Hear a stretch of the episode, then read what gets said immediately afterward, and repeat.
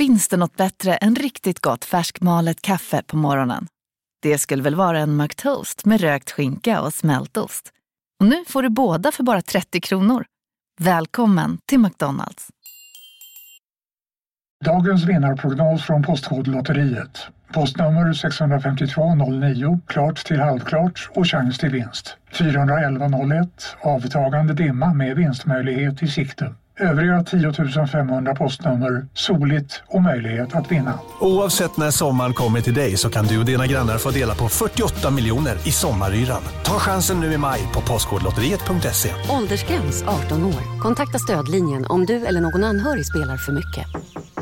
Hej, Susanne Axel här. När du gör som jag och listar dig på en av Krys vårdcentraler får du en fast läkarkontakt som kan din sjukdomshistoria.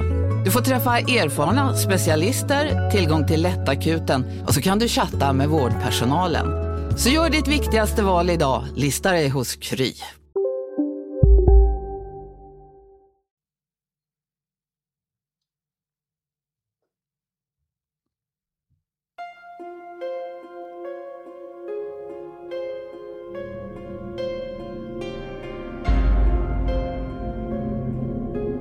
Hej och välkomna till Spökpodden. Det är jag som är Fredrik. Och det är jag som är Oskar. Ja, ska vi börja prata båda två. Mm. Eh, Vi avrundade ju förra avsnittet för att eh, det blev ju lite långt så nu tänker vi att vi behöver inte bli så långrandiga egentligen innan vi drar igång med avsnittet idag. Nej, vi blir lite kortrandiga idag. Ja, jag tycker jag. nu. Ja, ja, jag tror det blir bra. Mm. Ja, det här är alltså fort, fortsättningen på förra avsnittet om, eh, om konspirationsteorier. Det kan ju vara så att eh, det är folk som har kommenterat egentligen från första avsnittet men eh, det kan vi lyfta upp i ett annat avsnitt. Ja, ja, ja, det får vi göra. För, Naturligtvis. för vi kör ju egentligen bara, det är egentligen så att eh, våran manager då, Ramin, han har ju skällt på oss lite grann. Ja, precis. Vi sitter där och ni skulle se oss nu. Tårarna har runnit ner för ansiktet på oss. Vi har fått oss en riktig jävla utskällning. ja, ja, nu har vi ju. Pisk. Ja, Ja. Så att, eh, Så det var lå, hans- låt, låter vi lite ledsna så är, så, så är det därför. Ja. Så att det, det, jag tror att det blir bra. Vi, vi Mm. får ju verkligen skärpa oss nu Fredrik. Det, det där kändes verkligen... Det gjorde ont i mitt hjärta lite Det grann. gjorde ont i hjärtat. Ja. Ja. Det är hjärtesorg. men är, det det- så, är det så här det känns? Alltså? är det det? Nej, Men samtidigt så känns det faktiskt väldigt skönt. Det, det är kul faktiskt. Och för han eh, vill ju förbättra oss. Nej, det vill han inte. Jo men det, det vill han ju verkligen. Ja, ja, det är klart. Eh, och, och vi har ju egentligen lämnat över allting till honom mer eller mindre. Så att om Mm. saker och ting börjar ändras så kan vi alltid skylla på honom sen. Det kommer bli en riktig konspirationsteori utav hela den biten. Nej, Det kommer Absolut. bli skitkul. Ja. Eh, Men absolut, och har man idéer så till våran manager så absolut skicka. Vi, vi, han är öppen för förslag. han är ju det. Han får jobba dygnet runt stackaren. Eh, nu Han sitter där borta och skakar på huvudet. Det är bara nej, nej, nej, nej. Nej, nej, nej. nej, nej. Men nu är det så att vi, vi drar igång. Vi har ju pratat lite grann om olika konspirationsteorier och lite sånt. Och, Ja, eh, och, och vad en konspirationsteori är och lite sådana grejer. Och har man missat det så gå in och lyssna på föregående avsnitt. Precis. Och eh, du har ju självklart lite grejer och jag har lite grejer. Och jag har ju bland annat någonting som är återkommande och väldigt stort. Och det är egentligen månlandningen. Mm. Månlandningen ja. Vet du lite grann om när månlandningen var? Vet, alltså, om du tänker typ så här, när landade vi på månen första gången? Första, var det 69? Oj, oj, har du googlat? Neil Armstrong? Ja. Nej, vad var Armstrong? Nej, vad hette han den andra? Eh, Neil Armstrong och... Buzz Aldrin. Just det, Buzz Aldrin ja. Och eh, det som är intressant är ju också att eh, förstår du egentligen hur stort det var? Det är betydligt mycket större än Melodifestivalen.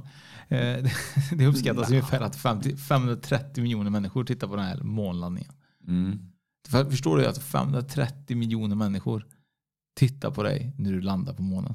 Mm. Fanns det så många tv-apparater? i 1969? Ja, Ja, tydligen. det är klart det fanns. Ja. Eh, och jag tycker allmänt att det här med månlandning är ganska intressant. För jag tänker oftast typ så här att om man tänker på tekniken som var. Mm. Så var det ju typ mer eller mindre på 69. Det var ju typ MS-DOS. Alltså förstår du vad jag menar? Att man kunde skicka en måne, alltså man kunde skicka en raket till månen med de här datorerna som var typ enorma. Jajamän. Som knappt liksom kunde egentligen ha en bild i sig.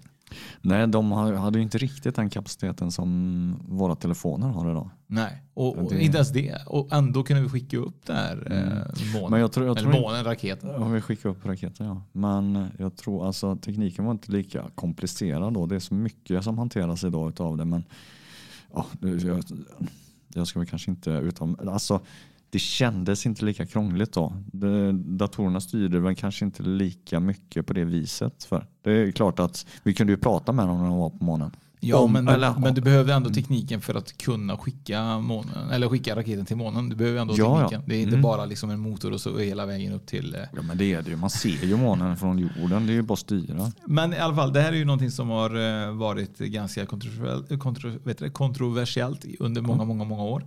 Och eh, vad tror du själv? Tror du verkligen på det här med att eh, vi har landat eller har vi inte landat? Vad tror du? Alltså, jag är väl utav den uppfattningen tror jag att vi faktiskt har landat på månen. Mm. Eh, sen, eh, det, det är ju det är lite roligt med de här konspirationsteorierna att ju mer man läser om den ena eller den andra sidan desto mer så känns det att ah, men det här kanske inte är så dumt. Mm. Är, är det faktiskt så att NASA har hittat, eh, bara photoshopat en bild på jorden som man tror att den ser ut från månen? Ja, Ehm, sen, ja. är det, sen är det så faktiskt att eh, jag har ju varit mycket på det här. Det, men det, Du har varit det, på månen? Nej, men, men att jag på något sätt har tänkt så här, men det kanske är lite bullshit. Vi kanske inte har varit på månen för att vi Teorin är ju mycket att vi skulle vinna över Sovjetunionen att vara först på månen och det har ju varit väldigt många försök fram och tillbaka och vem som var först och så vidare. Och det är egentligen där den här konspirationsteorin grundar sig att vi, att vi, så jag är ju inte amerikan, men att USA ville vinna över Ryssland i det här. Mm. Och sen är det så också, man vill ju tro det så jävla gärna, men det är ju ganska lätt att typ, bryta hål i det. För att i, enligt då NASA och hela här Men vetenskaps... är, är det lätt att bryta hål på? Alltså? Ja, men jag, jag Ja. tycker det egentligen. Nu när jag har gjort lite research. Mm. För man säger ungefär att det var cirka 400 000 vetenskapsmän, ingenjörer, teknologer, maskinister, elektriker som jobbade i det här Apollo-programmet. Och att så många människor skulle hålla käften om att inte landa på månen är väldigt underligt. Man kan ju få, man kan säga så här, tre kan hålla en hemlighet ifall två är döda. Är? Eh, Och det är lite svårt att säga att 400 000 människor skulle hålla det här hemligt. Ja. Så det finns ju lite olika teorier varför man tror också. Eh, Det finns ju så här olika eh, saker som man ser på bilder som folk tycker typ så här, det där, Mm, det där är skumt. det där är skumt. Typ som att eh, flaggan har en eh, stålpinne högst upp för att den eh, ska fladdra eller inte fladdra. Ja, alltså Och folk tror ju, egentligen är det ju så att man tror ju att den här amerikanska flaggan ser ut som att den fladdrar i vinden. Mm, men det Men- finns ju ingen vind där. Nej, men det är egentligen inte på grund av att den fladdrar ju inte på grund av att det finns vind. Det- Den fladdrar inte överhuvudtaget enligt experterna. Det är nämligen så att det finns en expert som heter Finberg och eh, han eh, debunkrar liksom alla de här teorierna. Och då är det så att när man, det enkla svaret är egentligen att den, det är nämligen så att den har som du sa en stålpinne högst upp då. Och då säger man att astronauterna hade ju väldigt problematiskt, typ ta upp den här flaggan och sätta fast den och så, och så skulle det vara stilla. Men Mm. helt plötsligt blir den skrynklig för att den här stålpinnen högst upp inte Mm. blev, alltså den blev inte rak som den skulle Nej, nej. på bilden. Sen skulle den förmodligen under en, under en viss tid så skulle den säkert falla på plats då. Mm. Men när bilden togs så var den helt skrynklig egentligen. Och det handlar inte om att det egentligen blåser. Det är egentligen så att flaggan står rakt upp och sen har den liksom en, en, en stålstång som går ut på utsidan. Jajamensan. Och det är egentligen det som gör att man, Tvärslån kanske faller lite ner och då så rör sig flaggan. Ja, men det, jag tror, jag, tyckte, jag, jag har inte tänkt på det. Jag, jag tittar på de här bilderna och tänker så här, men det, det blåser inte på månen. Nej. Det är jätteskumt. Mm, eller hur? Så att där fick jag typ så här, så kolla på bilden lite närmare. Zooma in lite grann. Och då ser jag också att det finns faktiskt, enligt på bilden så ser man faktiskt den här stålpinnen ovanför flaggan. Mm, man, man gör ju det. Och sen så om man vänder på det, för det, jag har också läst lite och, och varit med. Jag var ju med då. Eller kanske inte. Men att en, en del menar ju på då att ja, men man har satt den pinnen där bara för att det just inte finns någon, någon atmosfär för att bygga på att de faktiskt inte har varit där. Mm. Ja, men det, det, finns ju alltid två sidor av myntet. Det eller kommer alltid vara så. Eller hur? Det är sen, skitkul. sen är ju då att månlandning, månlandning är falsk eftersom man inte ser stjärnor på bilden när man ser astronauterna stå på månen. Och jag som fotar mycket förstår ju det här. Det är egentligen så att om man kollar på de här kamerorna som fanns på den tiden så är det så att man får ju inte samma kapacitet som man har idag. Men ljuset som kommer är ju så att ljuset kommer framifrån från in i kameran Mm. och då blir ju bakgrunden blir ju svart. Så är det egentligen när du fotar nu med. Om du fotar ut mot en mörk himmel så får du inte med stjärnorna så länge du... Om du ställer en bil framför dig Mm. och sätter på strålkastarna och så tar du en bild Mm. så får du självklart inte bild på månen eller på stjärnorna. Och det är egentligen samma sak i det här läget. Och då har vi också en bättre kamera idag än vi hade då. Mm. Så där är också en sån som jag tänkte så här, ah, men okej nu förstår jag. Ja. Nu fattar jag. Nu Eh, fattar du. Ja, så att eh, det är också så att de här vita rymddräkterna är ju ganska vita så de är också väldigt reflekterande och då blir det också att kameran fokuserar väldigt mycket på det. Jajamensan. Så att eh, sen är det också det som gör att man inte tror att det är det. Det är of- oftast att man tror att, att skuggorna inte är rätt I förhållande till... eh, till eh, Solen. Till, sol, eh, ja, till solen då. Och då är det så att månlandningen då.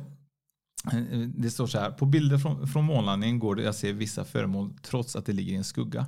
Skeptiker hävdar om solen var den enda ljuskällan så skulle det inte vara fallet.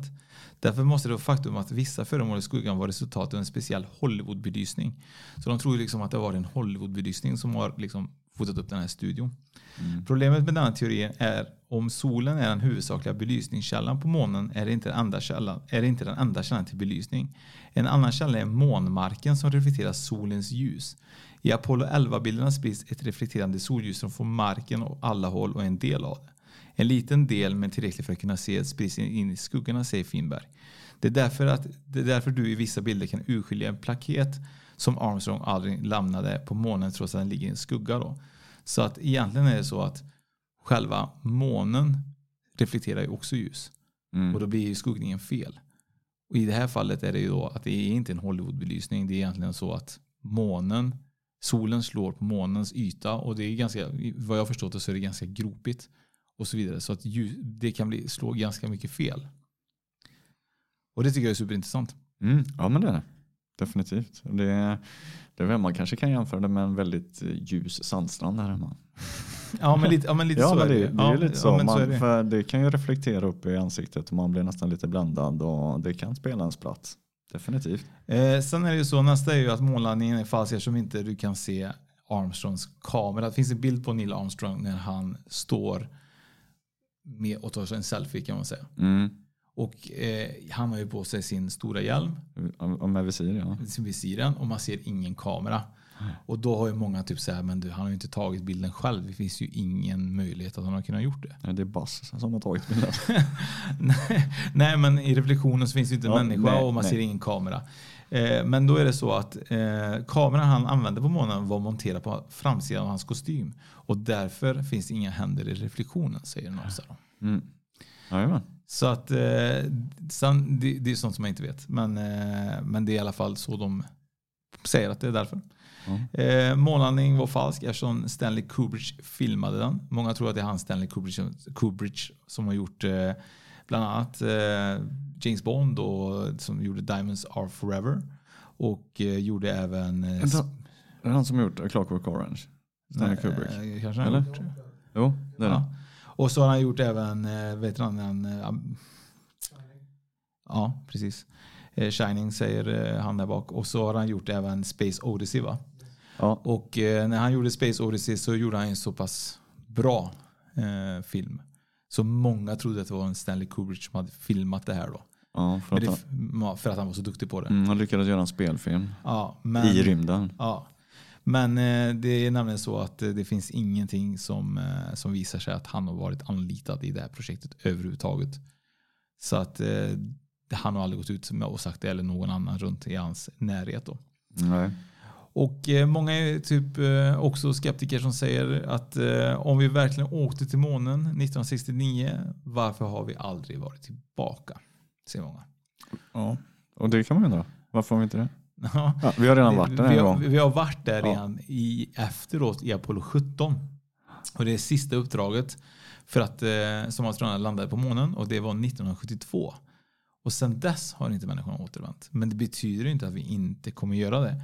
Anledningen till att man inte har gjort det, det är egentligen så att de fick för sig plötsligt att istället för att göra en månbas i, på månen, så var det kanske ingen nytta till det, så övergick nästa utmaning för en rymdforskning på Mars. Mm. Så det är det man har sittat in sig då, att man har ändrat prioriteringar. Och att man har istället valt att lämna månen för att förmodligen fanns det inte så mycket annat att göra där. Det fanns inget vettigt. För Så- enkelt. Nej, ja precis kanske. Eller så har man då valt att, och då har man valt att återvända, eller att försöka ta sig till Mars istället. För att det kanske är lite mer intressant då. Eh, sen finns det ju lite sådana teorier om vad, att det, det kanske var någonting på månen som gjorde att man inte vågar komma tillbaka. Och, ja, det finns ju mycket som helst. Nästa och sista teorin som jag har med mig det är egentligen så att eh, Neil Armstrong rymdstövlar matchar inte fot, eh, det fotavtrycket som finns på månen som, la, som tyder på att månlandningen var en bluff. Jag vet inte om du har sett det. Mm. Ja. Att det är de här randiga Mm, men, fotavtrycken. ja. men de var väl blanka typ? På någon bild. Har jag sett. Ja, precis. Mm. Det är nämligen så att eh, de lämnade de här stövlarna och mycket annat på månen enligt eh, NASA. För att det skulle bli för mycket för landningen att ha med sig tillbaka till jorden. Så man typ valde att lämna hur mycket grejer som helst. Alltså flera, vi snackar alltså flera, flera, flera, flera kilo, alltså ton verktyg, allt lämnades kvar på månen.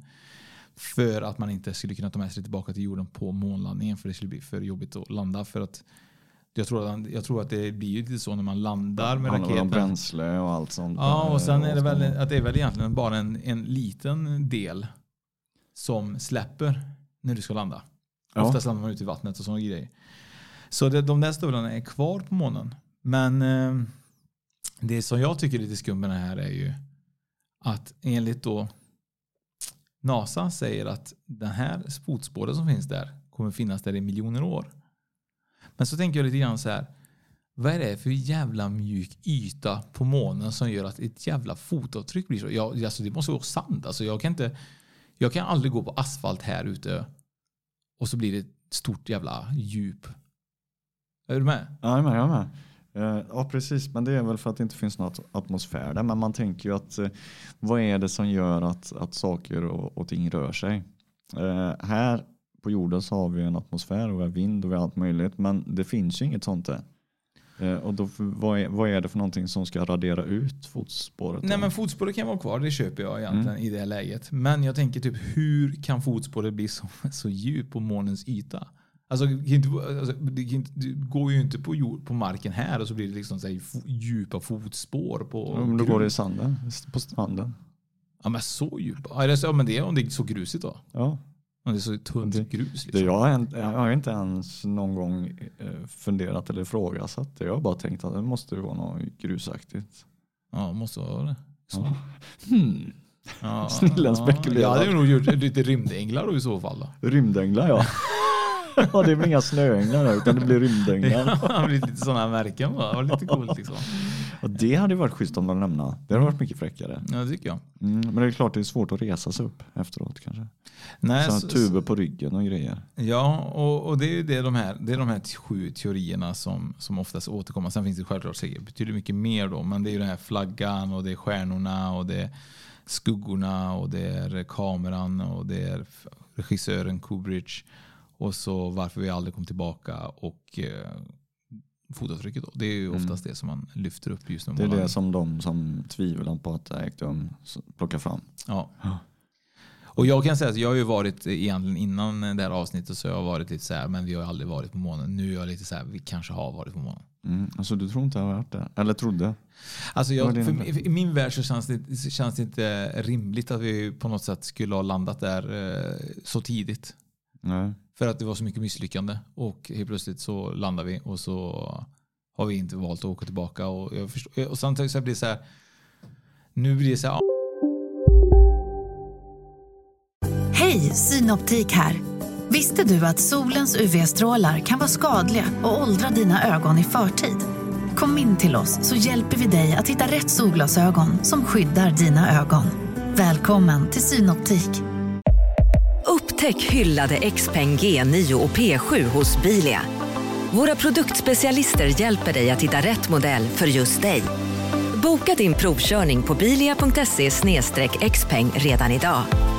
Välkommen till Bilia, din specialist på XPeng.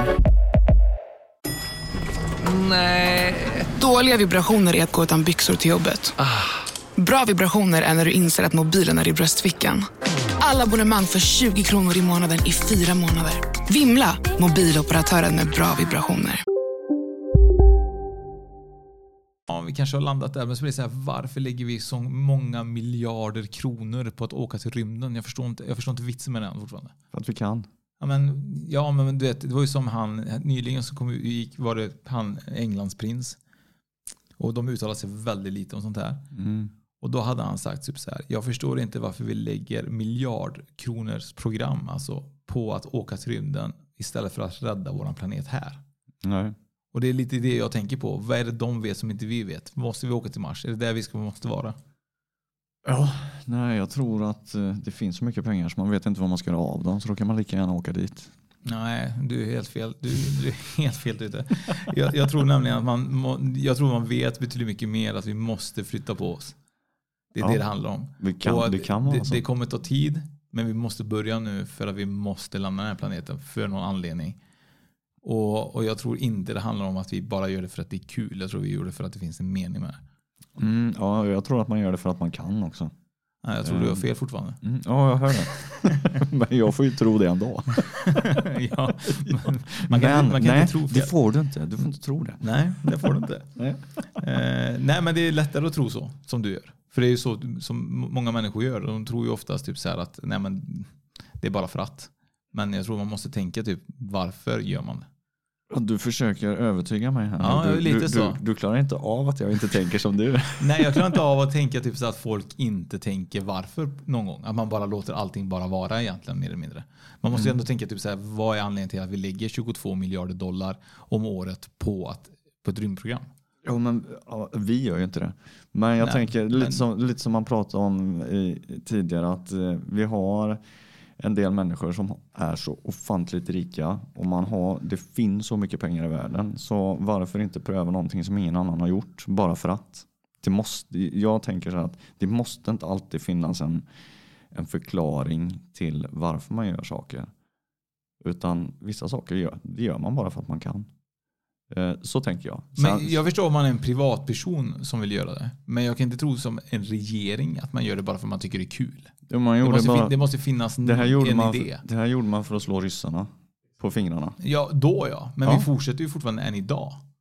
Att åka Att- till Mars till exempel. Ja, till exempel. Ja, och då vill man slå ry- ryssen igen jag säga. Men jag tror att eh, ja, det kan ju hända att det, det är så att eh, någon vet att världen kommer gå under. Men jag, jag tror inte att, att det alltid måste vara en, en tragedi eller något hemskt som ska hända för att man ska göra någonting. Vi kommer alla dö Fredrik förr eller senare. Och det gör vi. Eh, jag, vet jag tittar på klockan här, jag vet inte hur lång tid jag har på mig. Nej, men, nej. Alltså innan jag dör. Nej, men det inte jag för, det, men det är ju faktiskt någonting som, vi, som alla vet säkert, att vi kommer dö någon gång. Ja, Sen är frågan om hur. Förutom om Ja, jag var en sten. Men om du, om du hade kunnat leva i 300 år, skulle du vilja göra det då? Nej, jag är rant. Alltså grejen är att jag har tänkt på den. Alltså, nu kommer ju eh, Ramin snart slå oss på fingrarna snart igen. Men, men jag har tänkt på det nyligen att eh, förr i tiden så sa alltid så här, fan jag vill vara för evigt ung. Mm. Jag vill leva. Fan, folk som inte ville leva kunde inte förstå det. Men nu när jag börjar närma mig 40 så tänker jag så här, fan, det är ganska, det är, det är ganska lagom åt över 80 alltså. Det är ganska lagom. Ja. Ja, men är du med? Jag, förut tänkte jag så här, nej men jag vill leva för evigt. Men nu känner jag någonstans typ så här, jag vet inte om jag hade orkat leva på den här jorden fram tills jag i 300 år. Jag hade nog inte pallat det. Nej. Nej, jag, nej jag, kom, jag har faktiskt inte ens funderat över hur länge jag vill leva. Det enda som jag funderar på är att den dagen jag dör, då vill jag att det går så fort. Mm. Jag har ingen lust att, och bli sängliggande så inte kunna ja, göra det jag vill eller sådär. Eller vara en belastning för min familj. Eller sådär. Jag känner bara det är knallfall. Jag kommer ju se till att du får en kudde över huvudet om det händer. precis, ja oh, gulligt. Ja. Men du har ju självklart en konspirationsteori också. Jo, men ja precis. Ehm, jag har lite om eh, 9-11. Mm. Det är en mm. ganska stor konspirationsteori. Det är en jättestor eh, konspirationsteori och jag kommer inte gå in sådär vansinnigt djupt i den men jag ska dra lite grann. Eh, och eh, det var ju morgon den 11 september 2001. Det var 19 kapare som var redo att omsätta sin långa träning i handling. De steg ombord på fyra amerikanska passagerarplan för att ta över dem och använda dem som flygande vapen. Händelsen räknas som den största enskilda terroristattacken i historien. Det var ju fruktansvärt. Jag min, minns du var du var när det hände? Jag vet mycket väl vad jag hände för jag var inblandad i det.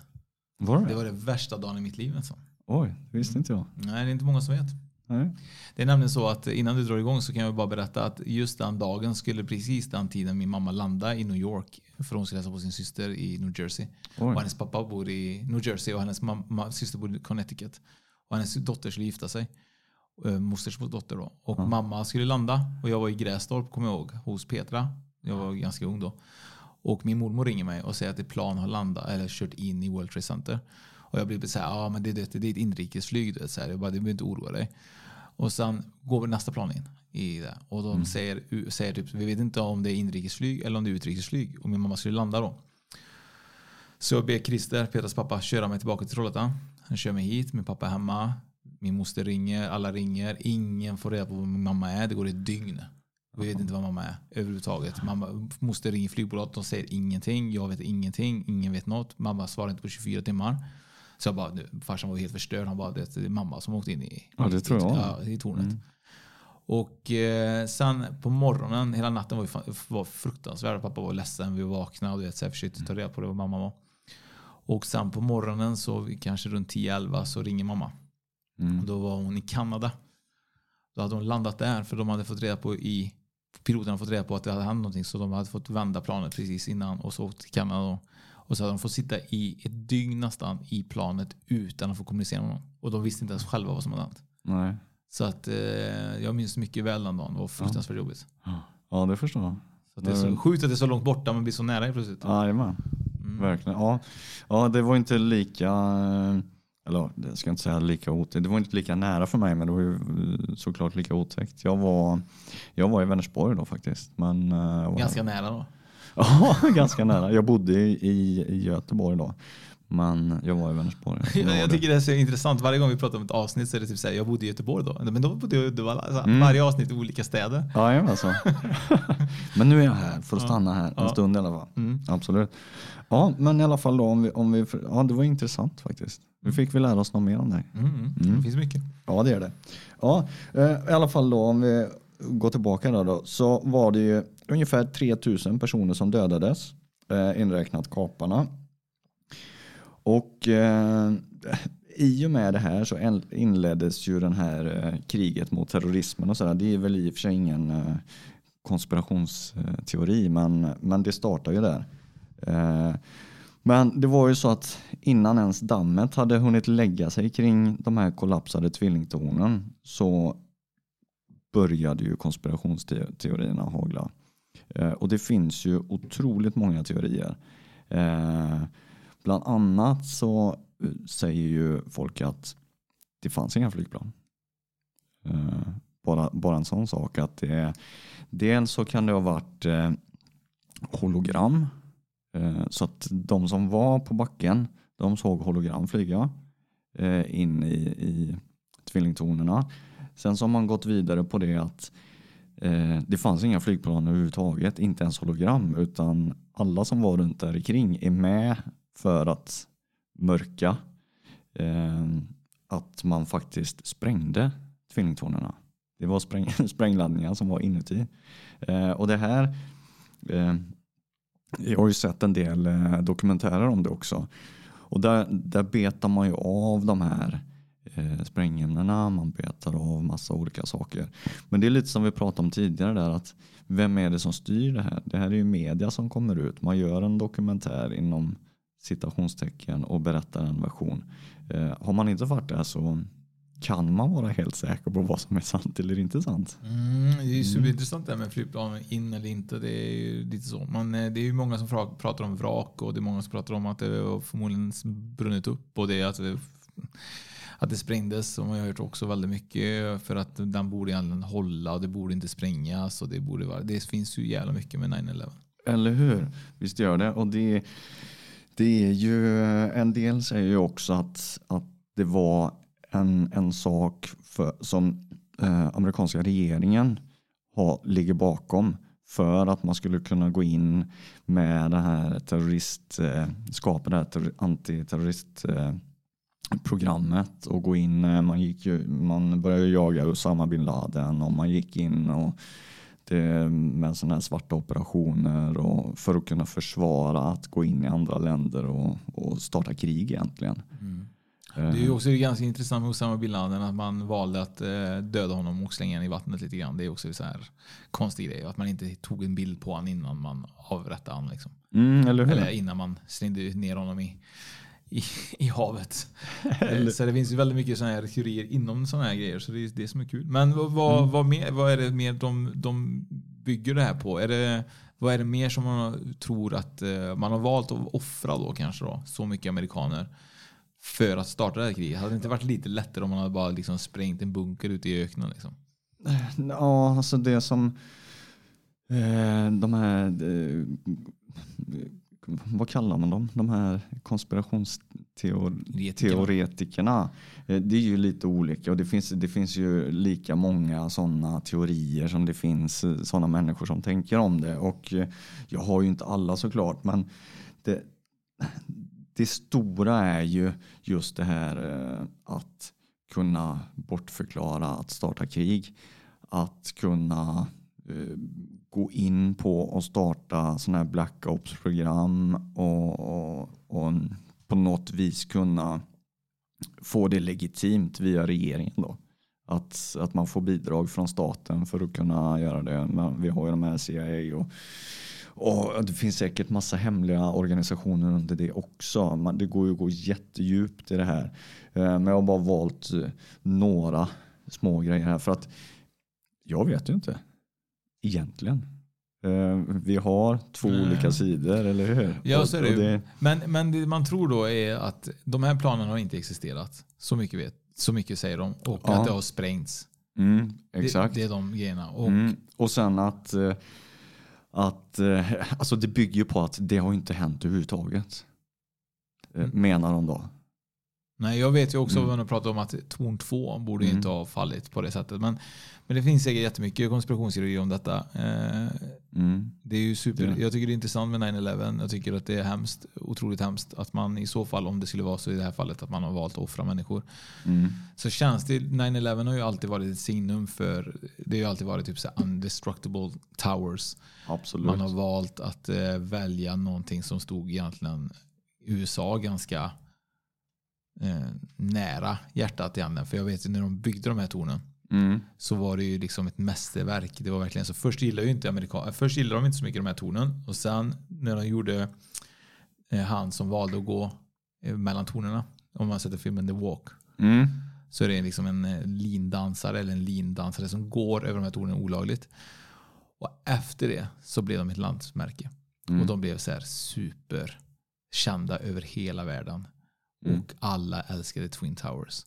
Så att det, det, känns ju som att man har ju, så, man har ju verkligen inriktat sig på någonting som skulle såra ja, ja. Det, folket. Det, det, är ju verkligen symboliskt. Jag har varit där faktiskt själv. Mm. Högst upp på World Trade Center när jag var liten. Jag var mm. 14 år. Så var jag där. Det var ju supermäktigt. Ja, jag har aldrig varit i USA. Nej, du har missat. Vi, vi får åka dit med spökbollen. ja, kanske. eh, sen, sen, innan vi avrundar så mm. hade du en, en, en, liten rolig konspirationsteori. Eller jag vet inte om det är konspirationsteori. Ja, nej, men... det, det, här är ju, alltså, det skulle kunna vara en konspirationsteori. Men eh, det är ju, alltså enligt de källorna som jag har hittat, även om man ska vara källkritisk då, så är det så att den amerikanska eh, försvarsdepartementet säger att de faktiskt har gjort så här. Ehm, Och det är? och det är att, eh, håll i det här nu, 1994 så övervägde den amerikanska militären att bygga en gaybomb. Vad är en gaybomb? Jag, jag vet ju mycket väl vad det är. Ja, du vet vad det är. Men, men, Men, men för er som inte vet vad det här är så är det alltså att det var så att den amerikanska försvarsdepartementet de hade en teori om att man skulle skapa kemiska vapen som inte dödade. Och då tänkte man det, ja, vad kan vi skapa för vapen som inte dödar? Eh, vad, vad skulle man kunna hitta på då? Jo, men eh, sex, sex det, det gör ju så att man glömmer bort alla andra saker. Då vill man inte kriga och man, det är kärlek är bra. Fast, fast sex det är, ju, det är ju kanske inte kärleken i den bemärkelsen. Men, men då kommer man, kom man på det att vi ska göra en bomb eh, i form av ett moln. Och det ska vara eh, en gas med feromoner heter det va? Eh, som gör att när man andas in de här så blir man kär. Eh, och det skulle, då skulle amerikanerna släppa det här molnet på fiendesoldaterna. Eh, de andas in det och så blir de kära i varandra. Eh, för att de blir så upphetsade. Det, det, det är alltså, alltså det låter så tokigt. Så egentligen var ju tanken då egentligen var ju då att man skulle släppa den här bomben så att de skulle egentligen ha sex med varandra istället för att kriga. Ja, så fiendesoldaterna skulle bli kära i varandra så att eh, de slutade tänka på krig och de blev kära i varandra och hade sex istället med varandra. Och då slutade ju kriget. Jag tycker vi släpper en sån bomb eh, allmänt Ja, eh, överallt Men, här. men, men sen så, de la alltså 7,5 miljoner dollar på det här. Eh, Bara för och- att man kan. Eh, Ja, men man gjorde ju aldrig den. Nej. Utan det var fortfarande, det, det blev en teori om det. Eh, men så kommer man väl fram till att det här funkar kanske inte. Eh, även fast man tyckte att det var legitimt att göra alla män till gay. Eh, I tanken då. Men sen som om vi fortsätter på det här. Så fanns det ett par bomber till. Som man kom på. Och då, den ena kallas för Sting Me. Och den andra kallas för Attack Me. Och den här Sting Me, då var man också inne på det här med att vi släpper ut en gas som drar till, som drar till oss bin. Som sticker eh, alla krigarna så att de blir bistungna. För då kan de inte heller fortsätta att kriga. Eh, jättesjukt. Eh, sen så, den blir ju heller aldrig någon realitet. Och sen, sen så hade vi den här att det heter ett fint ord, ska se om jag hittar det i, eh, det heter, ja skitsamma jag kommer inte på vad det heter. Men det var i alla fall att ja, men det, det skulle framkalla så att eh, de, de som fick det här, de, att de fick dålig andedräkt. Jaha, Ja, så man skulle ge alla soldater dålig andedräkt, att de skulle bli irriterade på varandra istället. Det, det känns lite jobbigt. Man måste väl stå väldigt nära för att man ska kunna känna av det. Ja, men när du ligger där nere i skyttegraven med axel, med axel mot axel med din polare som ska skydda dig och så börjar han lukta väldigt illa ur munnen. Vet du vad jag kom på? Hade man slängt ner den här gaybomben till att börja med så att de blir kära och den här andedräktsbomben så att de blir irriterade på varandra så hade det ju blivit Hade de tagit över på varandra? Så hade de tagit över på varandra istället. Ja, så att, eh, jag tycker att eh, vi nöjer oss med de här konspirationsteorierna för idag. Ja, det kan vi göra. Och- Absolut. Och eh, tackar för att ni har lyssnat på våran eh, spökpodd. Och vill man in och följa oss på Spökpodden så gör man det på spökpodden.se. Vill man eh, bidra med en peng som vi självklart tycker att ni ska göra då gör man det på Patreon. Och det kommer ni kunna se även på alla våra sociala medier. Vi kommer länka på avsnittet och så vidare. Absolut. Tack ska ni ha.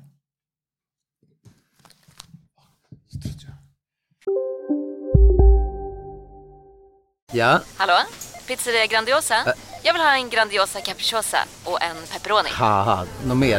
Med kaffefilter. Ja, Okej, ses samma. Grandiosa, hela Sveriges hempizza. Den med mycket på. En nyhet. Nu kan du teckna livförsäkring hos Trygg-Hansa. Den ger dina nära ersättning som kan användas på det sätt som hjälper bäst. En försäkring för dig och till de som älskar dig. Läs mer och teckna på trygghansa.se. Trygg Hansa. Trygghet för livet. Du, åker på ekonomin. Har han träffat någon? Han ser så happy ut. Var det onsdag? Det är nog Ikea. Har du dejtat någon där eller? Han säger att han bara äter. Ja, det är ju nice alltså. Missa inte att onsdagar är happy days på IKEA. Fram till 31 maj äter du som är eller blir IKEA Family-medlem alla varmrätter till halva priset. Välkommen till IKEA.